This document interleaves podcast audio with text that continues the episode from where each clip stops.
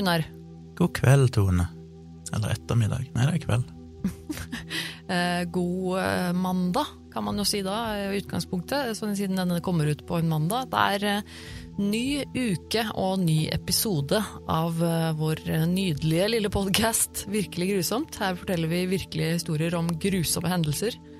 Og det er eh, både det ene og det andre vi snakker om her. Eh, Jeg, aner ikke hva vi skal snakke om i dag, jeg faktisk. Eh, Så før vi hopper inn i det, så skal jeg gjøre den vanlige runden.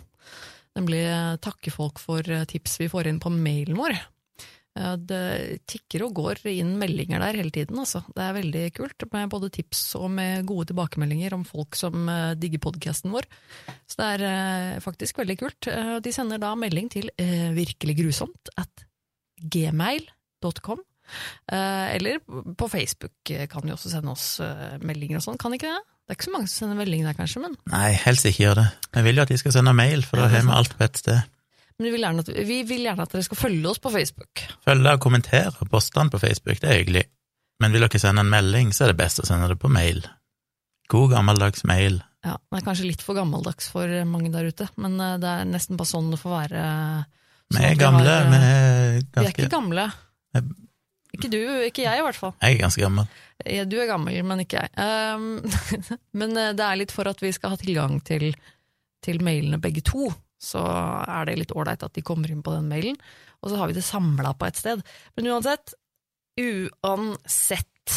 eh, Forrige uke så var det jo jeg som eh, dro fram en eh, grusom sak. Eh, Denne uka her så har du Nå har du jobba med et eller annet eh, skjul, i skjul her, som jeg ikke vet hva er for noe. Har du lyst til å Ja. begi deg ut på eventyret her? Nei, det er jo blitt mye eh, Russland i det siste. Ikke det? Sovjet og Russland. Ja, vi jo, det har skal, vært noen, faktisk. Ja. vi skal bort i de samme traktene, og jeg kommer heller ikke til å klare å uttale noen av disse navnene korrekt, Nei. men vi får jo bare hoppe i det. Og du kritiserer meg for ikke å ha lært meg russisk. Ja. Jeg skal, skal begynne på et eller annet hurtigkurs.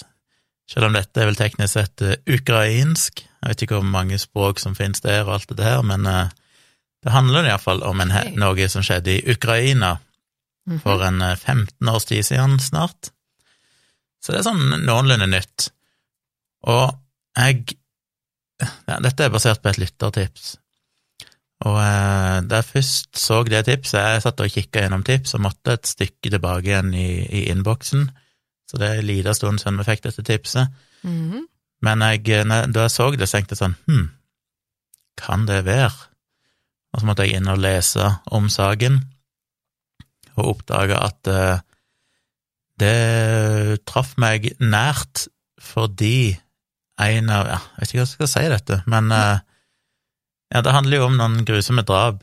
Vi skal tilbake til det. Ok, men dette her var altså noe du hadde hørt om før? Ja, Ja. og sett. Fordi Og sett. eh, det ble spilt inn video av dette, og en av de verste videoene jeg noen gang har sett på internett, Oi.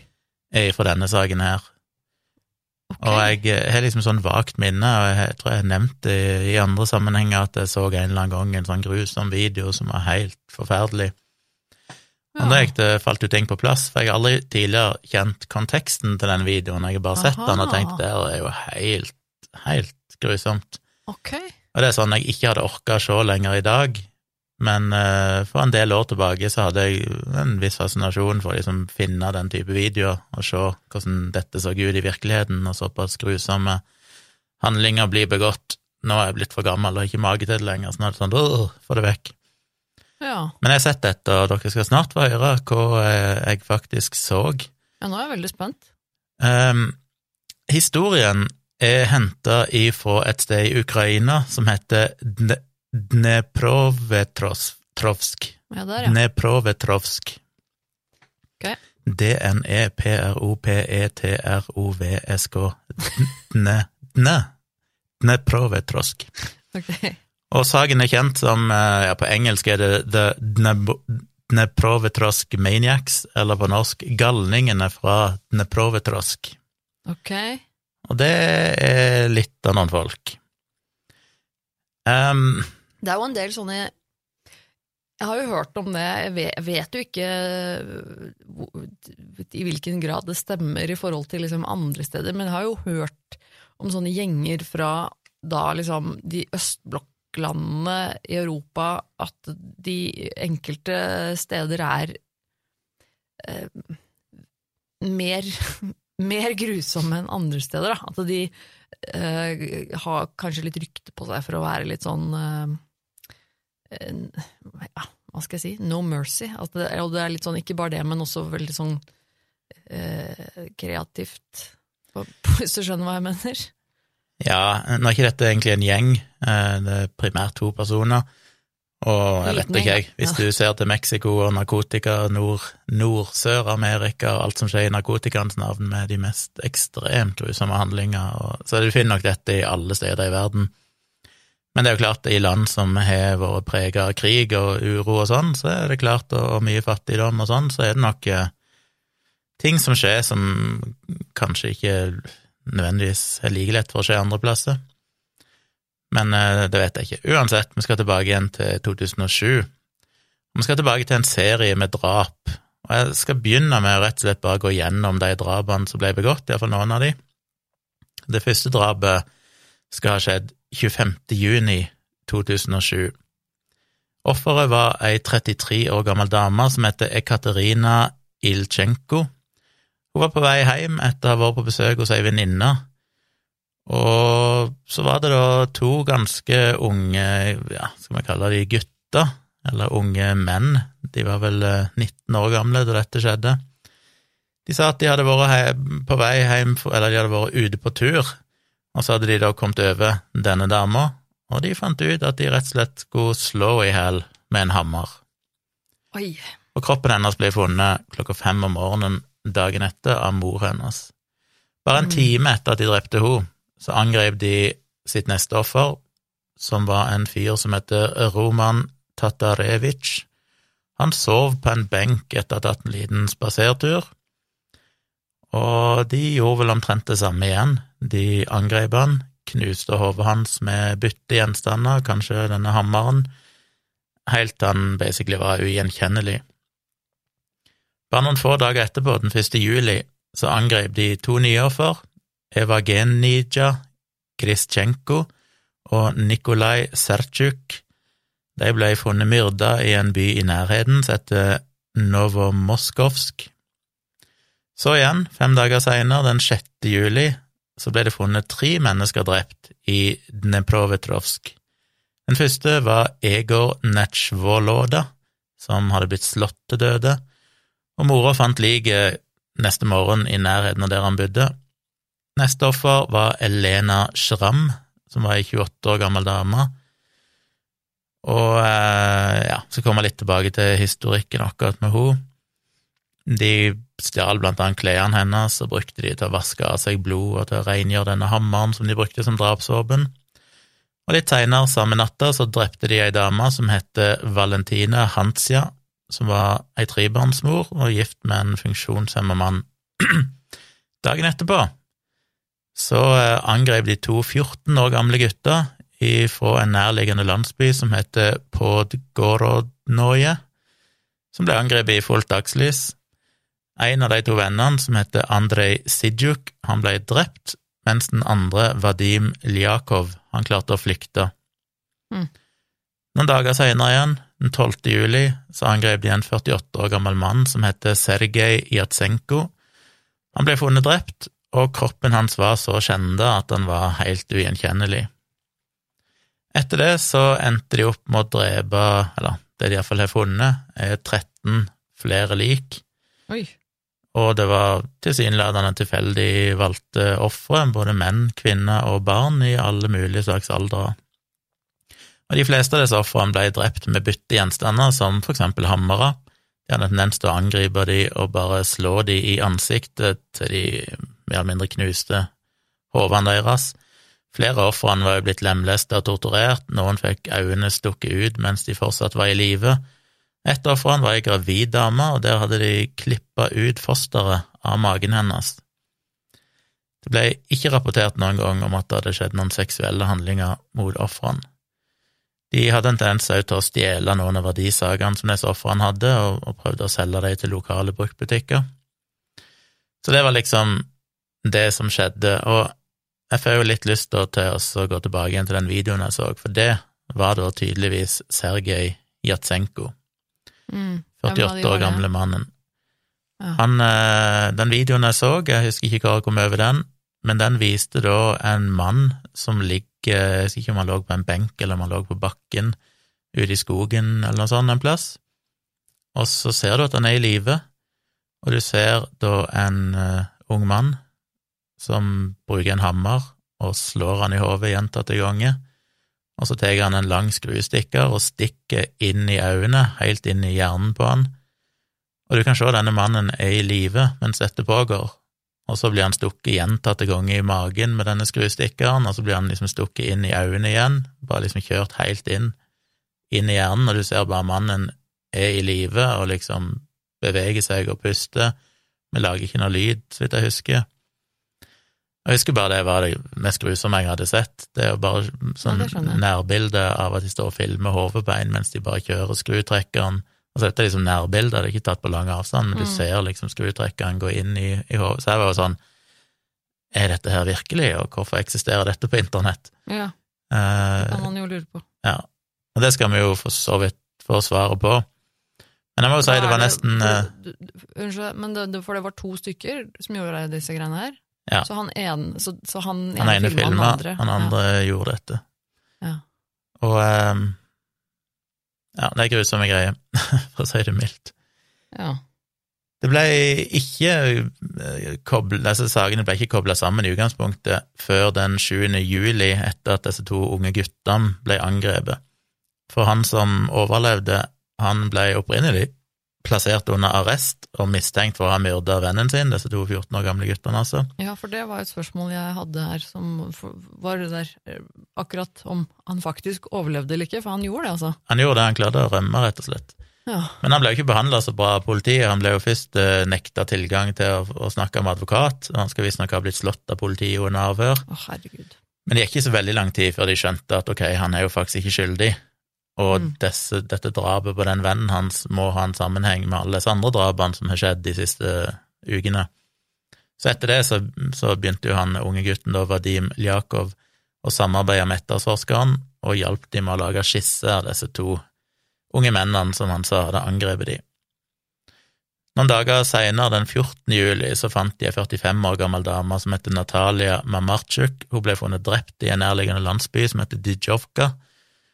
Hun hadde visstnok kjørt gjennom et skogsområde på en scooter eller moped, og disse to eh, drapsmennene hadde da sprunget imot henne og slått henne ned, og så hadde de tatt ut en hammer og slått henne til døde mens hun lå på bakken. Etter at hun slutta å røre på seg, så hoppet de på scooteren og kjørte av gårde. Og den saken var litt spesiell, for det angrepet ble faktisk observert av en del folk som bodde i nærheten. Oi. Så de så at dette skjedde og forsøkte å følge etter, men de klarte ikke å Ja, de forsvant ut av syne.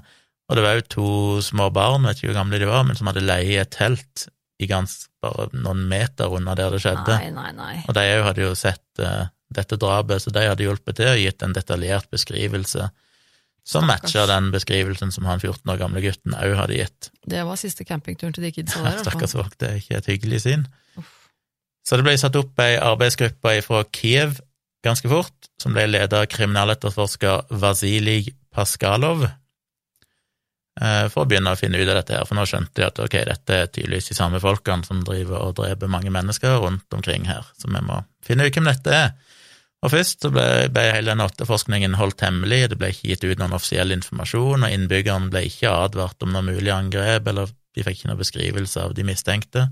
Alt dette her foregikk liksom i samme byen, da? Eller i samme Jeg har sett et par nærliggende landsbyer sånn, men det var jo i samme område. Ja, så det, det er sikkert ikke så veldig stort, på en måte, da? Sånn at man på en måte Nei. fikk høre om det når det Jeg vet ikke hvor fall. store disse her byene er, jeg. Det, det kan jo selvfølgelig være større steder, men Mm. uh, et Ja. relativt begrensa geografisk område. Mm. Men det begynte jo å gå rykter etter hvert, da, i lokalbefolkningen. Så til slutt så eh, begynte etterforskeren å gå gjennom disse skissene som disse vitnene hadde gitt, og de hadde klart å spore opp en del av disse eiendelene som var solgt til lokale butikker. og gjennom en kombinasjon av disse skissene og disse stjålne eiendelene som de klarte å spore opp, så fant de ganske fort de mistenkte, og de arresterte tre personer den 23. juli 2007, fordi da forsøkte han ene av de, som heter Suprunjuk eh, Hele navnet hans var Igor Suprunjuk. Mhm. Han hadde da prøvd å selge en mobiltelefon til en eller annen bruktbutikk, og i den butikken så hadde jo da innehaveren bedt han skru på telefonen for å bevise at han virker, og i det øyeblikket han gjorde det, så ble telefonen sporet av politiet, Mhm. og politiet rykka ut og arresterte da Igor Suprunjuk og han eh, medhjelperen som heter Viktor Sajenko. Arresterte de i nærheten av denne butikken. En tredje person, som jeg ikke finner fornavnet på, han heter Hantzia. Han ble arrestert hjemme, og han hadde visstnok klart å skylle en del andre stjålne mobiltelefoner ned i toalettet da han merka at politiet kom. I de- toalettet? Ja, merkelig nok. Men de klarte å få tak på telefonene og gjenopprette de, men de hadde mista all informasjon på de telefonene. Så da fant de, jeg vet ikke hva det betyr, om de fant kanskje ikke hvem de egentlig tilhørte, eller kunne bevise hvem de tilhørte og sånn. Men vi Så det- vet ikke egentlig hvem han var, han tredje personen her, på en måte? Altså Var han en som hadde kjøpt Jo, jeg kommer til det. Ok, unnskyld. Eh, De tre mennene de ble da tiltalt for medvirkning i 29 separate hendelser, som inkluderte 21 drap og åtte angrep der ofrene overlevde. Suprunjuk han ble tiltalt for 27 av tilfellene, inkludert 21 tilfeller av drap, altså alle drapene, åtte tilfeller av væpna ran og for dyreplageri, som jeg også kommer tilbake til. Å nei. Sajenko han ble tiltalt for 25 tilfeller, det, som inkluderte da 18 drap og fem ran, og ett tilfelle av dyremishandling. Denne tredje personen, Hansia, han ble tiltalt for bare to tilfeller av væpna ran. ran. Hmm. Alle de tre mennene som ble eh, tiltalt, de tilsto raskt, men Suprunjukan trakk senere tilbake tilståelsen sin og i 2008 så starta rettssaken. Suprunjuk erklærte seg ikke skyldig, men de to andre erklærte seg skyldige i alle anklager. Og Suprunjuk hadde jo en, eh, en forsvarer som het Viktor Tsjevgus, og han sa opp som forsvarer i saken etter at hans påstand om sinnssykdom ble avvist av retten. Så de vant altså ikke fram at dette her var at det var noe utilregnelighet eller noe sånt, og det gjorde at han ikke orka å, å fortsette den saken. Ja. Og det de hadde av bevis, var jo blant annet blodflekker på klærne til de mistenkte, og da videoopptak av drapene, Mm. Og de hadde filmet flere da, av disse drapene, da. Ja, tydeligvis. Mm. Eh, så ba jo påtalemyndighetene om livsvarig fengsel for Sajenko og Suprunjuk, og 15 års fengsel for Hansia. Ukraina har ikke dødsstraff, så det var ikke aktuelt. Så hva fikk disse her folkene, disse guttene eller unge mennene, til å gjøre noe så grusomt, og bare plutselig en sommer bare starta en serie med drap av helt tilfeldige ofre, som inkluderte tortur og lemlestelse, som de filma? 19-åringer alt sammen. Han eh, siste, okay. han hans, jeg vet ikke hvor gammel var, men han okay. var nok rundt den alderen han òg, regner jeg med. Det er jo helt uh, utrolig, men eh, det må jo ha det, det må jo ha det må jo ha vært ting i forkant her som, som da eventuelt ikke har vært så kjent. Jeg tenker at det er veldig sjelden at uh, man plutselig bare begynner å drepe folk uten å ha for eksempel uh, lemlestet dyr eller gjort andre ting uh, før det, som kanskje har vært Det har vel vært noen flagg her opp igjennom, vil jeg tro. Ja, altså det har jo vært mye spekulasjoner, og det er litt forskjellige teorier som jeg skal komme tilbake til, men alle disse tre guttene, eller unge mennene, de gikk på skole sammen, og de hadde funnet en del ting de hadde til felles. Han her Sajenko, altså han andre av de to som endte opp med å bli dømt for de fleste av drapene, sa at eh, jeg og Igor, altså han andre, Subru- Subrunjuk, var begge redde for høyder, og vi var redde for å bli banka opp av bøller, hadde han sagt under et av avhørene. Og det de fant ut, var at de måtte finne en måte å bli kvitt frykten sin på, noe som blant annet at de hadde valgt å stå på en balkong i 14. etasje i blokka de bodde i, og så hang de over rekkverket på den balkongen. Og det fant de ut at hjalp på denne høydeskrekken de hadde.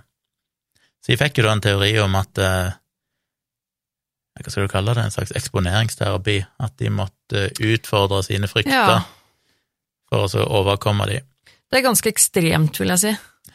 Hans, ja, han var jo den mest pysete av alle tre, og han hadde visst blodforbi. Turte ikke engang å vaske kattungen sin, for han var så redd for at han skulle skålde han. Så han var livredd for egentlig alt mulig rart. Og da hadde Suprunjuk foreslått at eh, kanskje vi kan håndtere denne frykten din ved å torturere løshunder. Nei, Så de endte opp med å fange løshunder, ta de med inn i et skogsområde i nærheten av huset. Der hang de de ifra tre, torturerte de, og tok bilder av seg sjøl ved sida av disse døde hundene som hang der. mm. Og dette ble jo en del av bevismaterialet som aktoratet la fram, masse bilder der de sto med døde dyr hengende bak seg i trærne. Mm. På noen av bildene tegna de òg hagekors med dyreblod og ga nazihilsener Ja vel, ok. av en eller annen grunn. What? Det ble jo vist fram en video som viste at de tre guttene sammen torturerte en kattunge. Det ble filma i garasjen til han ene. Da lagde de et kors av to treplater, nagla kattungen fast til dette korset, og så skjøt de på katten med to pistoler, og i tillegg så limte de igjen munnen på kattungen så han ikke skulle skrike. Nei, fy fader. Så dette er jo, ja, ganske så grusomme, grusomme hendelser. Da er du jo da er du ganske ødelagt, altså. altså og det, Ja. det er ikke på en måte Altså, én ting er på en måte den der det vi, det vi kan kalle eh, eksponeringsterapi i gåseøynene. Det er på en måte eh, her, Der ligger det jo noe reelt i utgangspunktet, ikke sant. For veldig ofte så er jo det en metode man kan bruke for å, å øve seg på ubehagelige situasjoner, eksempel det å fly, eller eksempel høyder, eller den type ting, så er jo ofte en slags eksponeringsterapi. Det er jo noe som kan hjelpe mange. Men da er jo ikke det snakk om i denne graden her, kan du si. Det er jo ikke sånn at du da foreslår Altså, det Ja, la oss bare- la-. Nei, men også, det er jo ikke snakk om da på en måte La oss bare henge oss ut fra balkongen i 14. etasje for å overkomme denne denne eh, agorafobien vår, eller høydeskrekken, og det er liksom sånn Det, det, er, ikke, det er ikke helt innafor, på en måte. Det er liksom ikke helt der man gjør det vanligvis. Så, så jeg lurer jo litt på hvor det kommer fra, for jeg tenker jo at da har du et ganske ekstremt mindset, da, på en måte. Altså, det er ikke snakk om å bare De skulle henge seg utfor balkongen, liksom, i, i 14. etasje. Det på Nei, måte Vi ser jo det samme mønsteret her som er i en del andre historier, om at hadde disse tingene skjedd hvis ikke disse tilfeldighetene ville det til, at disse guttene tilfeldigvis gikk på samme skole og ble venner og fant at oi, vi har noe til felles, ja. hadde de vært helt alene og i et helt annet miljø, mest sannsynlig hadde vel ikke noe av dette skjedd. Men det er jo liksom de tilfeldighetene når du hender ånd med de samme svakhetene, de samme fryktene, de samme fobiene, det samme behovet for å hevde seg, som da spiller opp hverandre til å så gjøre handlinger som de kanskje ikke kunne gjort alene. Jo, men likevel så er det jo noe med at når du Det er jo veldig vanlig å liksom gjøre guttestreker.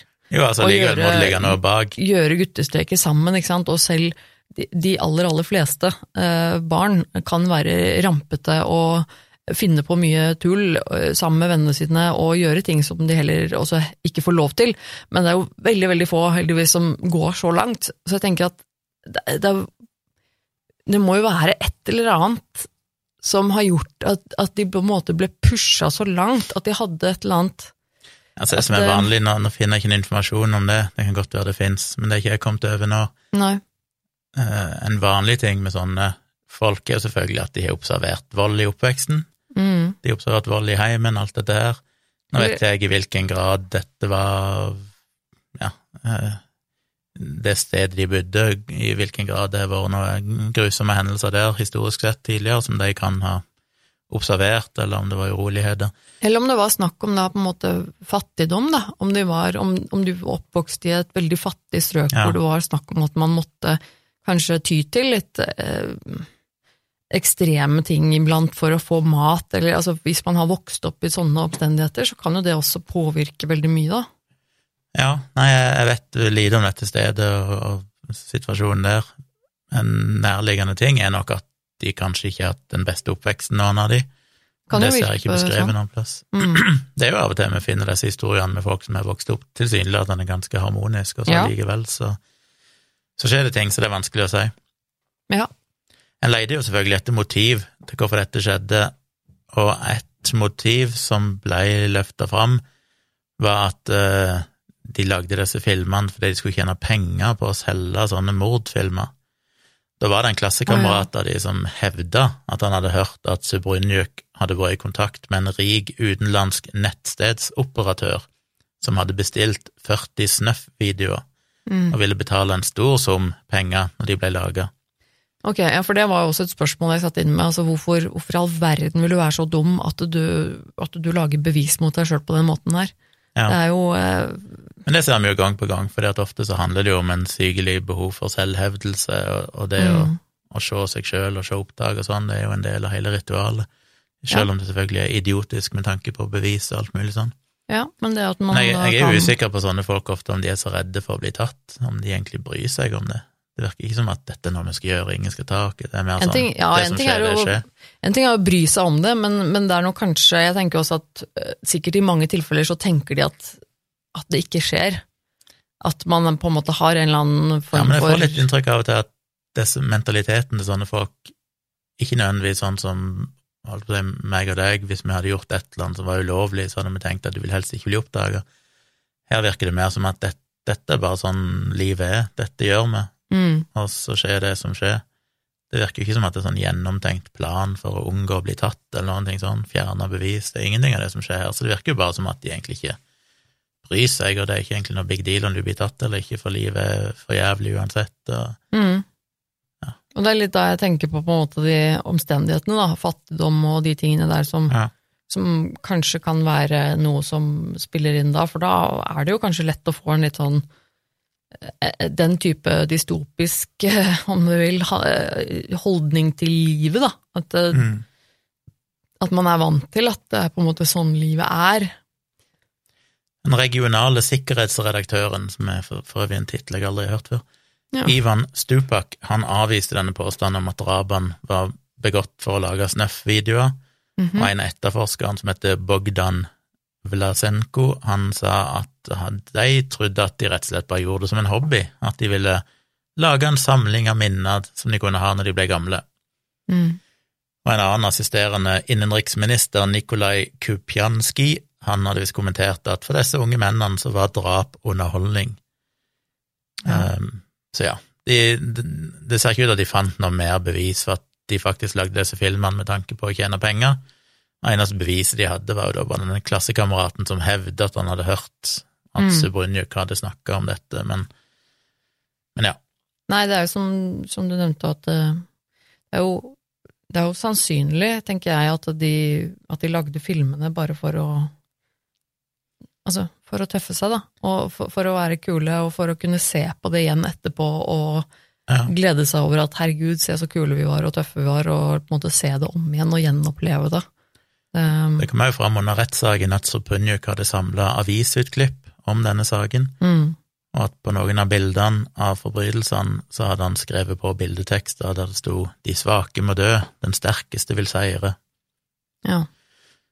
Så det sier jo litt om tankegangen at dette var mye selvhevdelse. Det er folk med sannsynligvis ikke hatt så godt liv, kanskje, dårlig selvtillit, mye frykt for andre bøller, føler seg mindreverdige Mm, og trenger å ta tilbake makten, som jo ofte er en drivkraft vi i disse her mordsakene, seriemordere og sånn. Det er folk som trenger å ta kontroll over sin egen tilværelse. mm. føler seg viktige, føler seg sterke. Jeg litt, eh, skulle gjerne visst mer om, eh, om oppveksten deres og Ja. liksom, hvordan de hadde det hjemme, og hvordan det, hvordan det var, for det, det, det er ofte ganske sånn relevant. Så kom det jo en del eh, konspirasjonsteorier i kjølvannet av dette, da. De ble jo oppnevnt tre ulike advokater som skulle forsvare disse tre tiltalte, Mm. og alle tre advokatene ble opprinnelig oppnevnt av retten, men Viktor Sajenko, han ene altså, disse, av de to da, som var hovedmennene i dette her, han ba om å bli representert av sin far, som var advokat og heter Igor Sajenko, istedenfor den oppnevnte advokaten. Og det fikk han innvilga. Det førte òg til en betydelig forsinkelse i forhandlingene. Mm. Men, eh, men ja, han fikk sin egen far som advokat.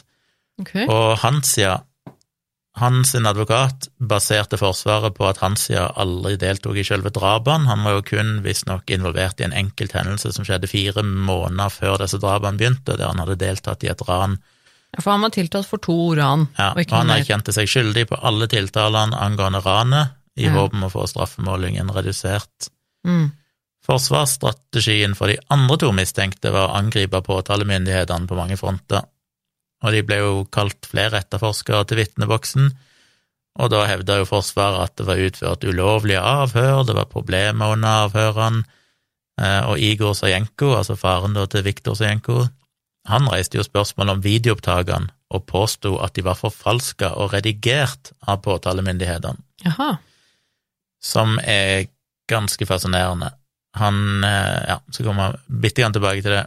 Men eh, Igor Sajenko, altså denne her forsvareren, han hevda òg at det egentlig fantes en helt annen mistenkt, som heter Danila Koslov, og at søstera til det ene offeret hadde sett navnet til Koslov nevnt i rettsdokumentene, hevda hun, og at denne Koslov visstnok var klar over drapene og ble òg mistenkt, men at eh, etterforskeren hadde bare latt han gå og sa at han ikke hadde noe med saken å gjøre.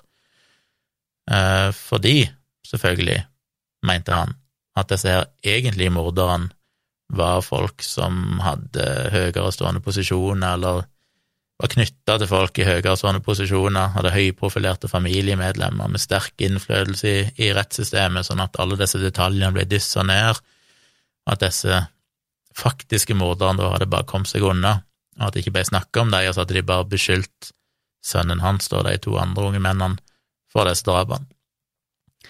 Det hørtes jo ganske tynt ut, ettersom det faktisk fantes masse bilder og videoklipp og blodspor på klærne til disse unge mennene, så det, var nesten absurd Mm. å i det hele tatt prøve seg på den, eh, den greia. Men det som skulle redde han da, var jo at ja, men videoene er heller ikke ekte, for de er forfalska. Mm. De er manipulert inn ansiktene til, til disse unge mennene da på disse videoene, eh, som jo er ganske så absurd.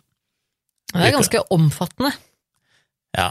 Nei, men jo, holdt på å si, teknisk sett så fantes vel teknologien for å gjøre dette i 2008, men som de påpekte, så var, ville det være så, så De hadde inn en sånn ekspert på sånn videoredigering og sånn som sa at eh, dette ville være så kostnadskrevende og tidkrevende at det var praktisk umulig for noen å ha gjort dette på Mm. så kort tid.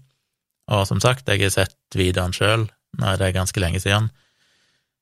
Det slo iallfall ikke meg at disse skulle være manipulert på noen måte, og de hadde jo inne eksperter da, til å vurdere videoene, og de konkluderte med at nei, nei, disse videoene er jo ikke blitt manipulert på noen selvt måte, og det ville jo vært helt Mm. De måtte jo Hollywood-budsjetter hvis de skulle Til og med i dag, ikke sant, med den teknologien vi har, så klarer du stort sett å se om en deepfake er en deepfake. Mm. I den tida så hadde de ikke noe sånn deepfake-teknologi, så da måtte en ha brukt helt annen, mer manuelle metoder for å gjøre dette, og det hadde jo vært helt uh, utenkelig å få til. Men han prøvde seg jo på det, da, desperat etter å kunne fjerne all mistanke mot sønnen sin, men det lyktes han jo ikke med. Ukrainske myndigheter godtok ikke påstanden, og de benekta jo at det var noen andre mennesker involvert enn disse. Så hvor kommer disse videoene av drapene ifra? Vel, det er jo ifra blant annet mobiltelefonene og flere PC-er som disse unge mennene hadde. De inneholdt da flere videoopptak av drapene. Og den videoen jeg så, er da en full video som ble lekka til internett, og som da drept, viste dette drapet på 48 år gamle Sergej Jatsenko, Mm. som blir sett liggende på ryggen i et skogsområde, står det, og slått gjentatte ganger i ansiktet med en hammer.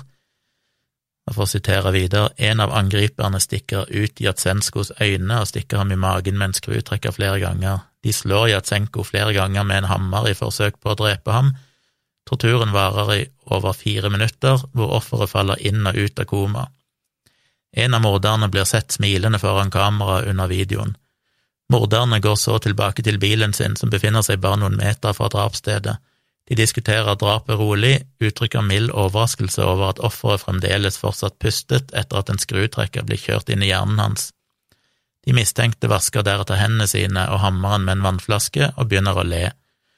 Bare to mistenkte ser ut til å være til stede i videoen, med én alltid bak kamera.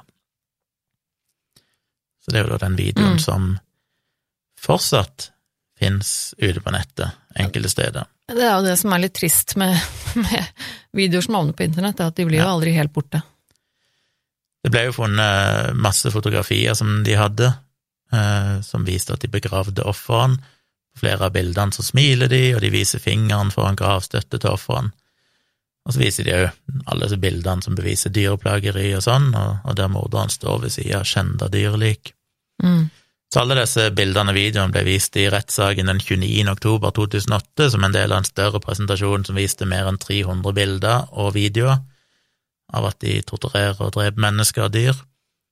Forsvaret de protesterte jo mot denne presentasjonen og hevda at bevisene var innhenta ulovlig, og at videoene og bildene da igjen var digitalt endra for å ligne de mistenkte. Mm. Og Subrunjuk og Sajenko ble jo spurt om de gjenkjente menneskene i bildene, og sa at det gjorde de ikke.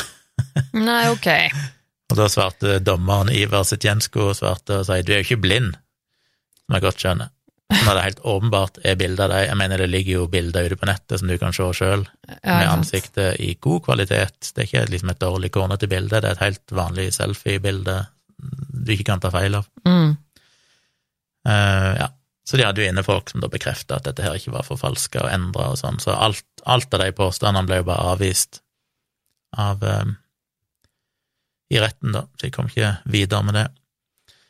Og denne videoen som jeg da har sett, som da var av eh, Sergej Jatsenko, den lå faktisk på YouTube i lang tid, Ja men ble til slutt fjerna. Ja. Jeg husker ikke hvor jeg så han, jeg vil tippe jeg så han på en av disse sidene, nettstedene som bare samler grusomme videoer. Jeg tror ikke jeg så han på YouTube. Men det er så lenge siden jeg så han. Hadde jeg skulle tippe, så ville jeg trodd det var før 2007, men siden dette skjedde i 2007, så må jeg åpenbart ha, Mm. ha sett det etter det, da, sannsynligvis i 2008-2009 eller noe sånt. ja. Men det er ikke hyggelig. Uh, Det er sånne ting som du bare det, glemmer liksom ikke det. Har du, har du sett en sånn Nei. ting eh, en gang, så er Det det, Da, da, da veit du det, hvordan det ser ut resten av livet, på en måte. Det er jo litt bakgrunnsinformasjon om denne stakkars Sergej Jatsenko òg, da. Han var en 48 år gammel mann også, som nylig hadde blitt diagnostisert med kreft, Oh. og den kreften hadde gjort han ute av stand til å snakke, som kanskje er oh, ja. grunnen til at jeg reagerte på at At han ikke det er vanskelig å huske når det er så lenge siden, men jeg husker det ikke som at han sa noen ting, Nei. jeg husker som at han var stille, det virker så rart. Åh, Det virker jo for meg som at han var jeg, jeg trodde først det bare var en eller annen uteligger som de hadde funnet, ja. og at han var døddrukken eller rusa eller et eller annet, for det er så lite respons ifra han uansett hva de gjør med han, selv om han åpenbart er i live. Jesus. Men han var ikke i stand til å snakke, da, men han hadde fortsatt å jobbe og tok litt sånn småjobber rundt forbi for å støtte familien sin. Han hadde visstnok begynt å få stemmen tilbake da han ble drept, så sånn sett så kunne han jo ha, ha lagd nålyd. Han var gift, hadde to sønner og et barnebarn. Han hadde òg en funksjonshemma mor som han tok vare på, og han ble visstnok myrda ca. klokka 14.30 denne dagen, og hadde fortalt kona si at han skulle besøke barnebarnet sitt, men han kom aldri fram. Så kona hans hadde ringt en venn og ba, ba han om å få hjelp til å leide etter mannen, men de fant han ikke. Og i Ukraina så er det ikke lov å etterlyse en person før det er gått 72 timer etter at de er registrert som etterlyst. Så kona lagde ja, så kona lagde postere og sånn og hengte opp med bilde av ektemannen og, og ba folk om å kontakte henne. Og til Mm. slutt så var det jo da et vitne som kontakta henne, for det jeg vet ikke om den personen eller noen hadde funnet da liket hans i skogen der. Mm. Og denne videoen som da lekka ut til nettet, den vakte jo selvfølgelig stor sjokk i rettssalen da den ble vist, Selvfølgelig. og eh, alle var enige om at videoen var ekte, og den viser jo da at det er Igor Subrunjuk som angriper offeret, og at Mm. Viktor Sajenko står og filmer. De hevda jo hele tida, advokatene deres, at det var fabrikkert, disse videoene, men som sagt, det mente jo påtalemyndighetene var helt umulig, teknisk umulig, Ja. Eh, på den tida, og ingen hadde råd til det. Og denne videoen ble jo da lekka ut til et eller annet kontroversielt nettsted, og det er sikkert der jeg så han en av sånne her Mm. Gore-nettstedene. Den ble lagt ut 4. desember 2008. Um, og utenriks, nei, innenriksministeren i Ukraina, Jekaterina Levchensko, hun var veldig kritisk til denne lekkasjen, men innrømmer at kontroll av videoer på internett var praktisk talt umulig. Ja, det. Så videoen ble lagt ut under et nikk som heter Three Guys One Hammer, som jo er et ordspill på den kjente videoen Two Girls One Cup, Mhm. som alle dere gamle internettnerder husker. ja. Og det er visstnok laga mye reaction-videoer sånn på YouTube som viser folk som ser videoen for første gang, og viser hvor grusomt de syns det er, og sånne ting. Så Nei, det er ganske usmakelig, altså. eh, ja. For å si det mildt. Så en den, ting er eh, reaction-videoer på YouTube, det kan man elske så mye man vil, og det er ikke noe galt med det, men uh, akkurat det der, det, det blir jo bare Nei, det, det er så galt, ja. på så mange måter. Jeg vil Bruke- tippe videoen fortsatt finnes der ute, ikke lenger på YouTube, som sagt, Ja, men det gjør den nok. men eh, den Helt finnes nok garantert. hvis du vil finne den, så finnes den nok. Skal ikke lenke til den, Nei, det kommer vi ikke til å gjøre. Slapp helt av, folkens, dere skal ikke få se den. Av oss, i hvert fall. Igor Subrunjuk og Viktor Sajenko ble til slutt den 11. februar 2009 funnet skyldige i overlagt drap, og begge ble dømt til livsvarig fengsel. Subrunjuk ble funnet skyldig i 21 drap, mens Sajenko ble funnet skyldig i 18 drap, altså alle drapene de var tiltalt for. Eh, I tillegg til at de fikk livsvarig fengsel for drapene, så fikk de òg 15 års fengsel for ran. Alexander het han, Hansia. Mm. Han eh, var jo ikke involvert i drapene, men han ble funnet skyldig for væpna ran og dømt til ni års fengsel.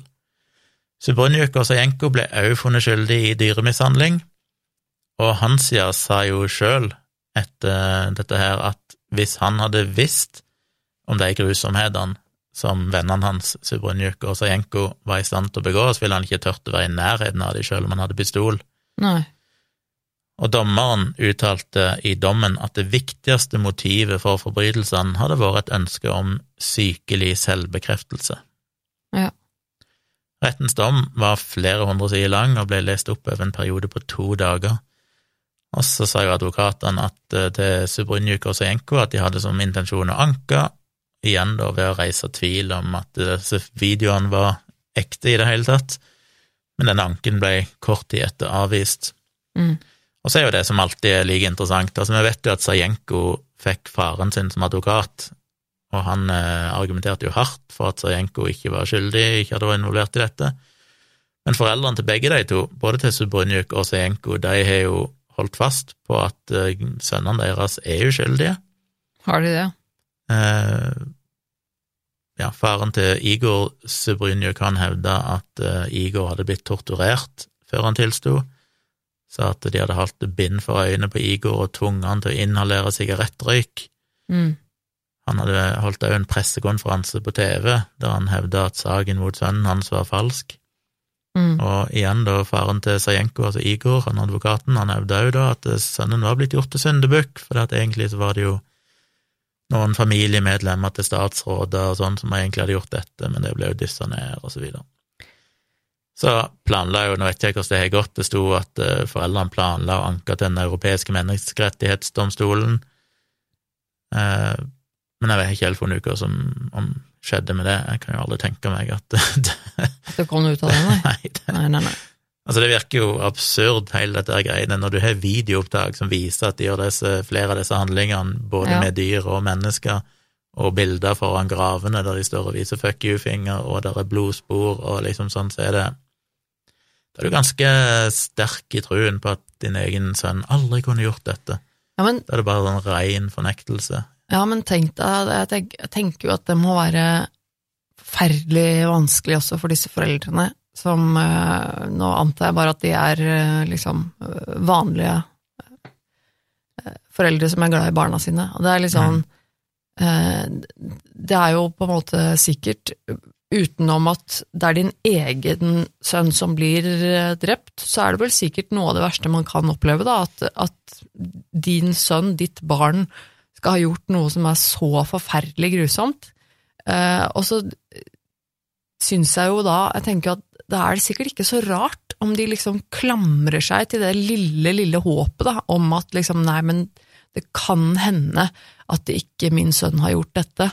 eh, og at de velger på en måte å se den sannheten, fordi det er det de ønsker at skal være sant, det kan man jo forstå.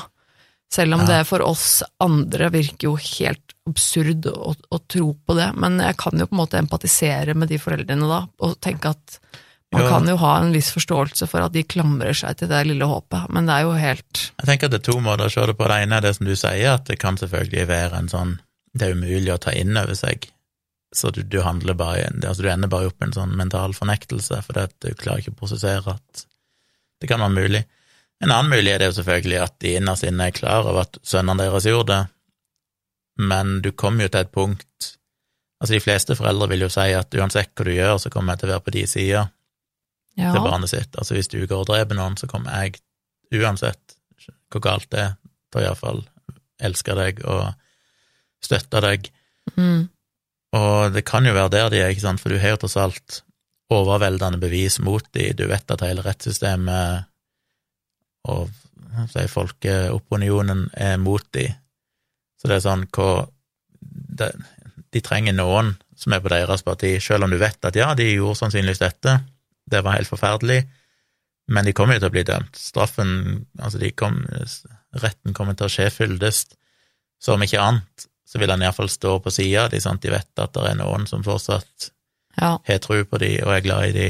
Det kan jo hende, selvfølgelig. Jeg tenker jo at, tenker jo at man kanskje ikke hadde gått så langt hvis man på en måte gjorde det bare for å vise støtte til sønnene sine, da. Så tenker jeg at det, hadde man kanskje ikke gått så langt. Det går jo an å på en måte vise støtte til sønnen din og vise at du er glad i sønnen din da fortsatt, uten å på en måte eh, gå så hardt ut og på et vis fremstå som en idiot for alle andre, hvis du skjønner hva jeg mener. Altså, um, Nei, så Ja, jo men det òg være et aspekt i det hele, da, for det Hva var det igjen? Jo, det var vel han der du snakket om i forrige episode, han der dokkemannen, ja. der familien hans ble lagt for hat. Mm, Og det er klart, de vil nok òg oppleve det, helt sikkert. nesten uunngåelig. Og det kan jo òg være at det blir et slags selvforsvar, da, at det handler jo om å beskytte seg sjøl, og, Ja, og bare hevde at nei, nei, nei, dette her er ikke riktig, liksom. ja. Det er er det, hvis de eh, hadde innrømt det, eller sagt at Altså hvis de går ut og beklager og sier sånn ja, det er forferdelig som har skjedd, og så vil de jo erkjenne skyld og, og legitimere alt hatet mot de som helt garantert vil komme. mm, Så det kan jo være til det, det er mange grunner til at de kan reagere som de gjør, men, mm, men det fremstår jo absurd sett fra utsida, da. Ja, det gjør det. Med, ikke nødvendigvis at de bare forsvarer dem, men måten de forsvarer dem på, med disse konspirasjonsteoriene og påstander om forfalska videoer og alt dette her, da, som bare strider imot alle bevis som alle kan se. Ja. Det ble avslutningsvis gjennomført en meningsmåling i Dneprovotrovsk, Trovsk, der de fant at 50,3% av befolkningen mente at dommen mot Hansia var rettferdig, altså han som ble dømt til bare ni års fengsel for ran, Ja, ok. mens 48,6 mente at straffen burde vært strengere. Omtrent 50-50 der. Um, litt usikker på hvorfor de mener at han burde fått en strengere straff. Det kom ikke helt klart fram hva han egentlig var med på, enten at det var et eller annet, ett eller to væpna ran som skjedde noen måneder før de begynte å drepe, og at utover det Ja, så var han jo òg med, selvfølgelig, på disse her eh, Han må vel ha vært med på noen dyremishandling, men det ble han Ja. aldri dømt for, tror jeg, så det står her. Her står det jo bare han ble dømt for væpna ran. Ja. Eh, Det var kun. Brunjuk og Sajenko som ble dømt for funnet skyldig i dyremishandling, selv om de gjorde vel det for at han Hansia skulle kurere sin frykt for å skade dyr. Mm. Så han må vel ha vært med på det, skulle jeg tro, men uh, ikke alle brikkene som er på plass her. Nei, det er Så jeg er litt usikker på hvorfor så mange mente at han burde fått en strengere straff, og ni års fengsel det er jo en ganske streng straff når han ikke ja, var involvert i noen altså, drap, tross alt. Sett opp mot alt det de folk har hørt av denne saken, så syns de vel Er det vel fort gjort at folk tenker at ni år, bare ni år, det er altfor lite. Det er Ja. gjerne det folk tenker når det gjelder uh... Men han var jo tross alt ikke involvert i drapene, men det kan jo bare være at mange mener at han egentlig var det. Eller Ja, om kanskje det, eller eller eller litt sånn holdt jeg på å si guilty by association. At det er litt Ja. sånn fordi han var med de gutta. Det er jo litt sånn, jeg tenker jo Ser jo det gjerne her i Norge også, eller overalt, at vi på en måte har en tendens til å liksom si at nei, men det er altfor milde straffer, og burde være mye strengere straffer for ditten og datten, og ikke sant. Jeg vet ikke. Jeg tror det er en sånn sånn følelsesmessig eh, reaksjon ofte også, som på en måte dukker opp med å Mm. Nei, ni år, det er ikke lenge nok, liksom. Jeg vet ikke. Så ble jo denne saken anka litt sånn opp og ned og rundt forbi, eh, men det siste jeg vet, er at den 24. november 2009 så erklærte Høyesterett at de kom til å opprettholde livstidsdommene på Igor Suprunjuk og Viktor Sajenko, Mm. selv om de planla å anke atter en gang. Alexander Hansia, som også ble dømt til ni år for ran, han hadde ikke tenkt å anke dommen sin, Nei. så han er vel løslatt nå. De ble jo dømt eh, i 2009, så han skal jo teknisk sett være sluppet ut i 2018 hvis han soner hele dommen sin. De to andre fikk jo livstid, og igjen så antar jeg vel at livstid betyr livstid i Ukraina. Det gjør det sikkert. Ehm, jeg må innrømme at jeg blir jo veldig nysgjerrig på disse to gutta. De var jo veldig unge Ja. dette her skjedde. Ehm, Det står liksom ikke noe sånn eh, noen plass om at de hadde en historikk med nei. Noen ting som helst. Så det virker så plutselig at liksom bare én dag, i én sommer, i løpet av noen uker, så dreper de nesten 30 personer, bare helt tilfeldig. Ja, og det er mange, altså. Det er mange. Det er, det er, det Det er er, eksepsjonelt mange, til og med de verste seriemorderne dreper sjelden så mange, og aldri på så kort tid. Ja, nei, da er det ofte er- over mange år, i så fall. ja, det er på en måte nesten så du Han har liksom, eller de, eh, har liksom bare klikka, og så bare Mm. klikka helt, og bare altså Det er nesten som Det høres nesten ut som de har gått inn i en psykose, liksom, ikke sant, og så bare eh, klikka helt på altså Det er veldig ekstremt å drepe så mange mennesker på så kort tid. Det virker jo veldig emosjonelt avstumpa òg, med tanke på at Ja. de smiler og ler og viser fingeren, og selv om de liksom gjør det gang på gang på gang, så ser det ikke ut til egentlig gå inn over de, hva de Nei, driver og det virker nesten som om de er på en måte litt, eh, litt Holdt jeg på å si virkelighetsberøva. At det er litt sånn At de nesten har gått inn i en slags annen, annen virkelighet, holdt jeg på å si. Altså høres jo nesten psykotisk ut, altså, Ja. uten at jeg har noe grunnlag for å si det på noe som helst vis, på en måte, men, men det, det høres jo nesten sånn ut, for det er veldig ekstremt. Det er, det er eh, og, ikke bare at de drepte så mange, men også at det var eh, helt eh, random folk, altså folk de ikke kjente, og så midt på dagen, og også på steder da hvor det var sjanse for at de kunne blitt observert, og faktisk ble det også. Det er Ja, veldig som- irrasjonelt, på en måte. Det er veldig som gjør at jeg tenker at de kan ikke ha brydd seg så mye. Nei, ja.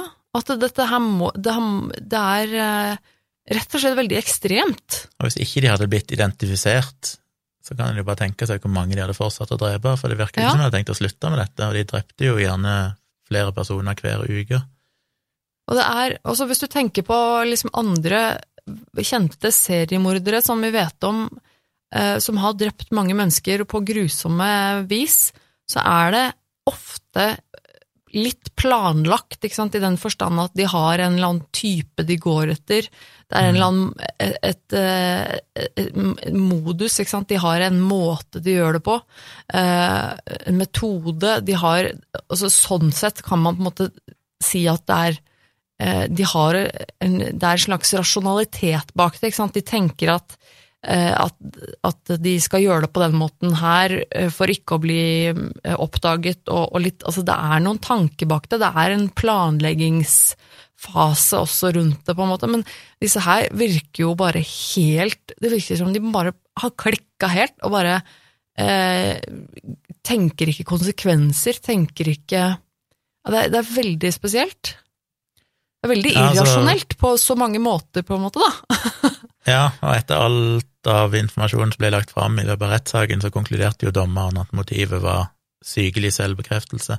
Ja, Så skal han spekulere i dette ut ifra alt andre sånne saker vi snakker om, og det vi vet, så ja, skal jeg legge hobbypsykolog, holdt jeg på å si, så ville jeg jo tenkt at at dette er folk som har gjerne opplevd vold i heimen, kanskje blitt utsatt for vold i heimen, har blitt frarøvet hele sin Nedverdiget gjerne ofte. Ja, mm. frarøvet sin egen ja, æresfølelse, eller hva det Ja. heter. Kanskje jeg har blitt mobba på skolen, et eller annet. Altså, det, det, det klikker for dem. Mm. Og når det er to personer eller tre sammen som finner ut en måte å ta tilbake igjen den kontrollen som nevnt tidligere, ta tilbake igjen denne her følelsen av at ok, liksom, vi, vi er sterkest, vi er best, vi kan gjøre akkurat det vi vil, Mm. så er det tydelig at det er en ganske er en, ja, mektig følelse. ja, det er en, en veldig sånn uh... Kanskje kombinert med noe psykiatri, holdt på å psykisk sykdom som ikke vi vet noe Ja, om. kanskje det. Men det, det er liksom det, det For meg bærer liksom litt preg av den der eh, ekstremt eh, narsissistiske eh, Den derre larger than life, ikke sant. Litt sånn eh, Vi kan gjøre hva vi vil, det er ingen som tar oss, vi bryr oss ikke. Eh, holdninga. Som Altså, det er en er sånn sånn berusende følelse av frihet. Altså, nei, Ja, vi kan gjøre hva vi er- vil. Nå er det bare å kjøre på, det er ingen lover som gjelder for oss, vi er våre egne herrer. mm, Og det kan jeg skjønne for folk som har slitt kanskje hele livet med en form for underlegenhet og mye folk Ja. som styrer de, kanskje foreldre, familie. At det der enorme behovet for å bare ta tilbake den ekstreme friheten. Ja. Kanskje er forførende. Nei, men det er Jeg vet ikke. Det, Nei, og det, og det er litt frustrerende det òg, på en måte. Du skulle gjerne visst mer. Skulle gjerne Ja. visst mer om dem og deres bakgrunn, men også egentlig gjerne visst mer om hvordan hvordan det hadde gått, gått for dem senere. Altså, for dette her er jo folk som man kan anta at fortsatt lever, regner jeg med?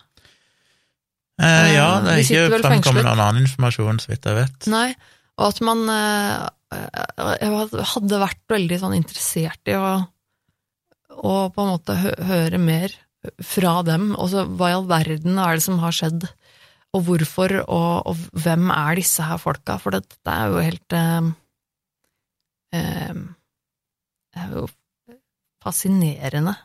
Grusomt.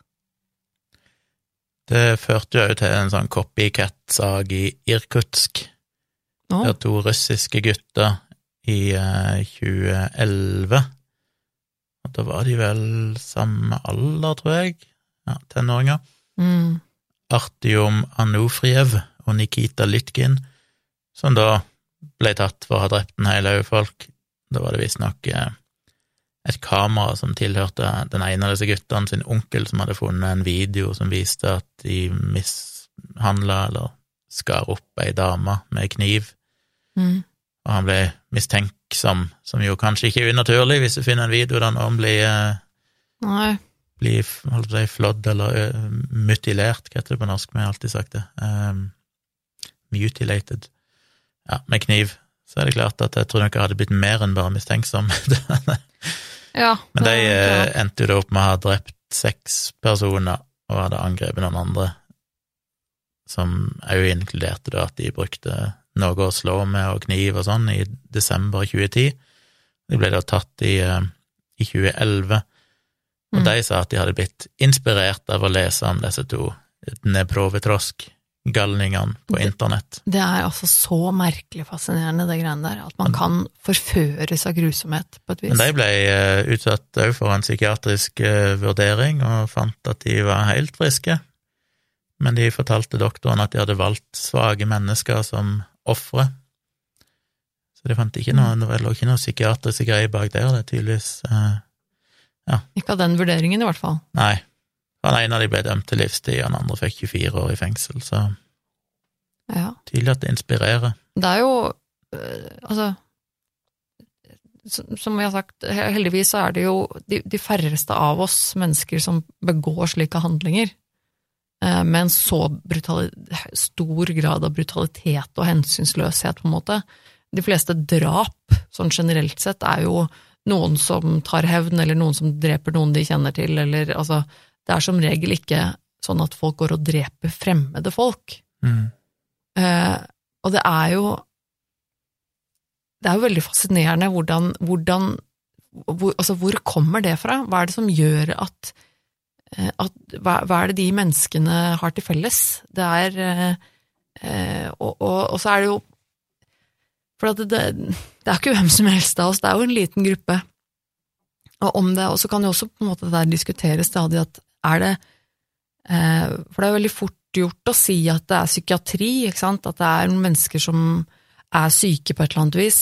Eh, og så kan man jo diskutere det òg, jeg syns også, også det er en, en slags eh, interessant diskusjon, egentlig. Det der med å være ond, for eksempel. Altså, eh, det med å ikke ha empati. Det, er, man, er, er det en sykdom? Er man syk?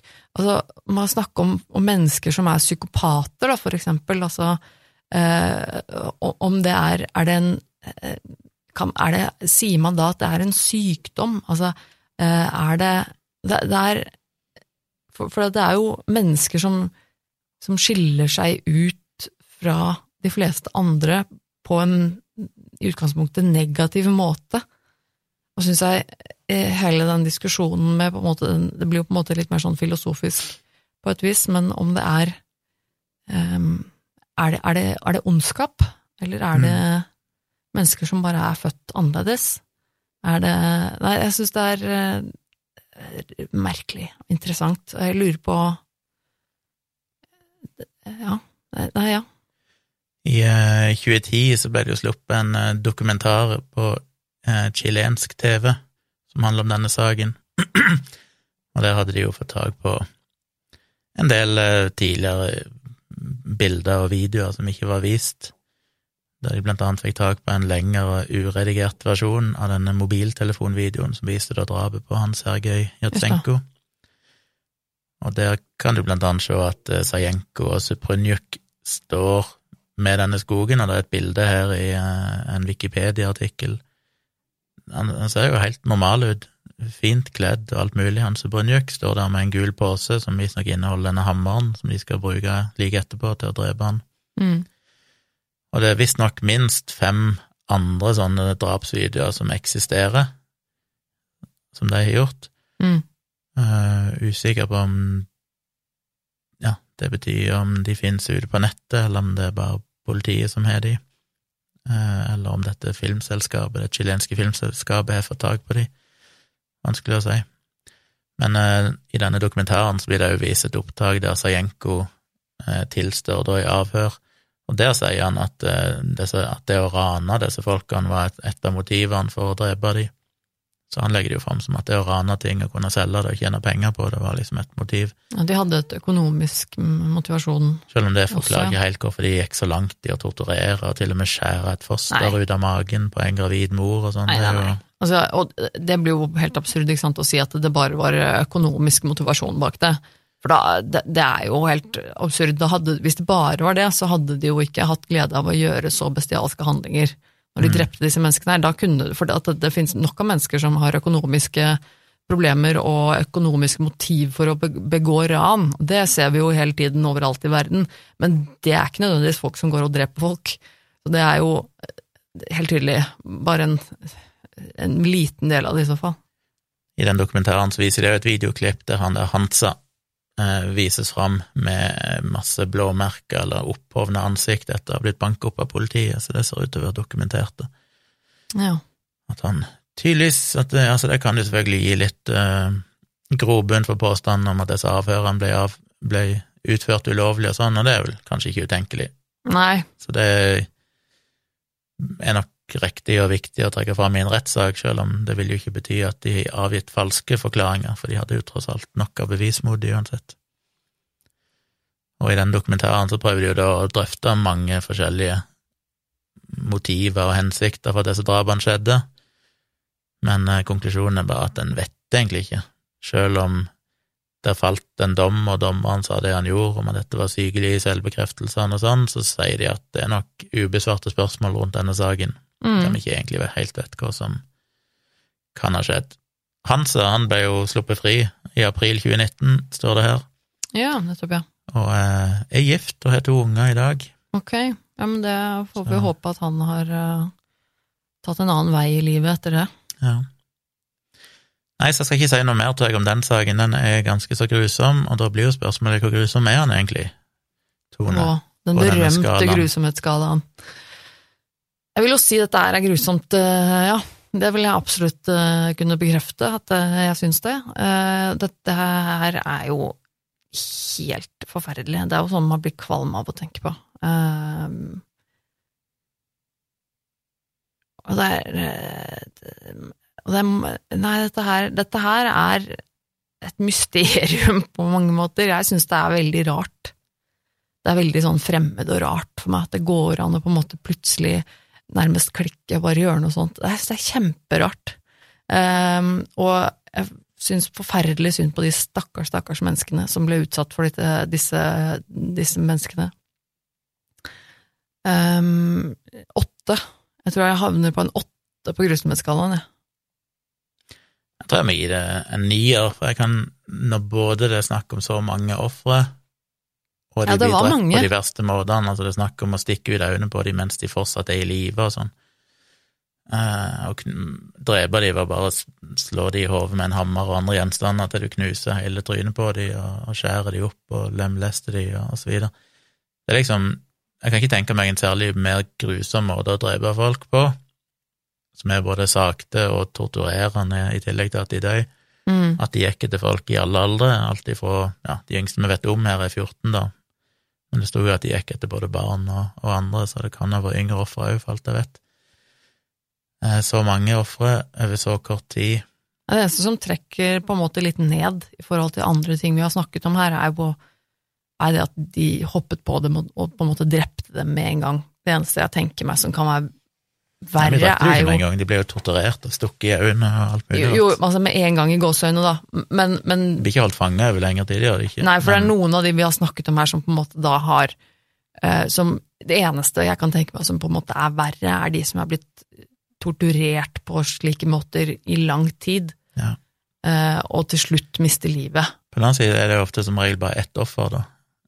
Ja, det har ikke bare vært det heller. Det har jo vært Det er vel ikke så flere vi har snakket om i denne podkasten også, som har hatt flere ofre i flere aldersgrupper også, som har blitt torturert i lang tid, og jeg tenker jo at det er det eneste som på en måte er verre sånn sett. Jeg tror jeg må arrangere det som en nier, iallfall. Mm. For det er så grusomme handlinger, Ja, er- både med dyr og mennesker, Ja. og såpass mange ofre. Ja, det, ja, det er er det ganske er- utrolig, egentlig. Og såpass relativt ny tid òg. Det er liksom moderne tid, filma med mobiltelefoner og sånn. Det er ikke noe som skjedde i en helt annen tidsalder. Det er liksom Mm. her og nå. Så den nier. Vi vil gjerne høre hva du tenker som hører på også. Eh, Så når du hører eh, denne episoden, så har vi mest sannsynlig eh, lagt ut en liten post på Facebook-gruppa vår, eller Facebook-siden heter det, på Virkelig grusomt podcast på Facebook. Vi legger ut linker der. Eh, ikke til denne videoen, som vi har sagt, det kommer vi ikke til å gjøre, men vi skal legge ut eh, noen linker til artikler og litt sånn, hvor du kan lese litt mer om disse sakene her, som vi snakker om, og noen bilder også i forhold til uh, saken, så vi skal Ja, det er ikke det verste som finnes, det kommer vi ikke til å legge ut, men Nei, det er jo ikke sikkert alle vet det, men uh, vi er jo ganske mye lyttere. Men det er vel relativt få, kanskje, som får med, med, får med seg at til hver episode så lager jo som regel Tone et sånn coverart-bilde som vi av en eller annen grunn ikke laster opp som coverart til podkasten, men derimot bare legger ut på Facebook og Instagrammen vår, og gjerne Twitter. Ja. Så den bør dere få med dere. Det er en god grunn til enten følge dere på Instagram, jeg heter Civix, C-I-V-I-X, både på Instagram og Twitter, og Tone er Tone Sabro på Instagram og Twitter. Så eh, følg de kontoene, eller følg Facebook-sida for å se de bildene, for da lager hun en sånn liten kollasj av noen bilder som er relevante. Så man kan så, på en måte sette Det er noe, noe litt annet, føler jeg ofte, da, å kunne sette et ansikt på det, holdt jeg på å si, hva heter det? Ja. Eh, når man kan på en måte se litt hvordan folk ser ut, så er det plutselig litt mer ekte på et vis. Det er litt sånn rart, men, men ja. Så eh, ja, takk for at du hørte på. Vi er tilbake igjen om ei uke med en ny episode. Det har vi. Ha det.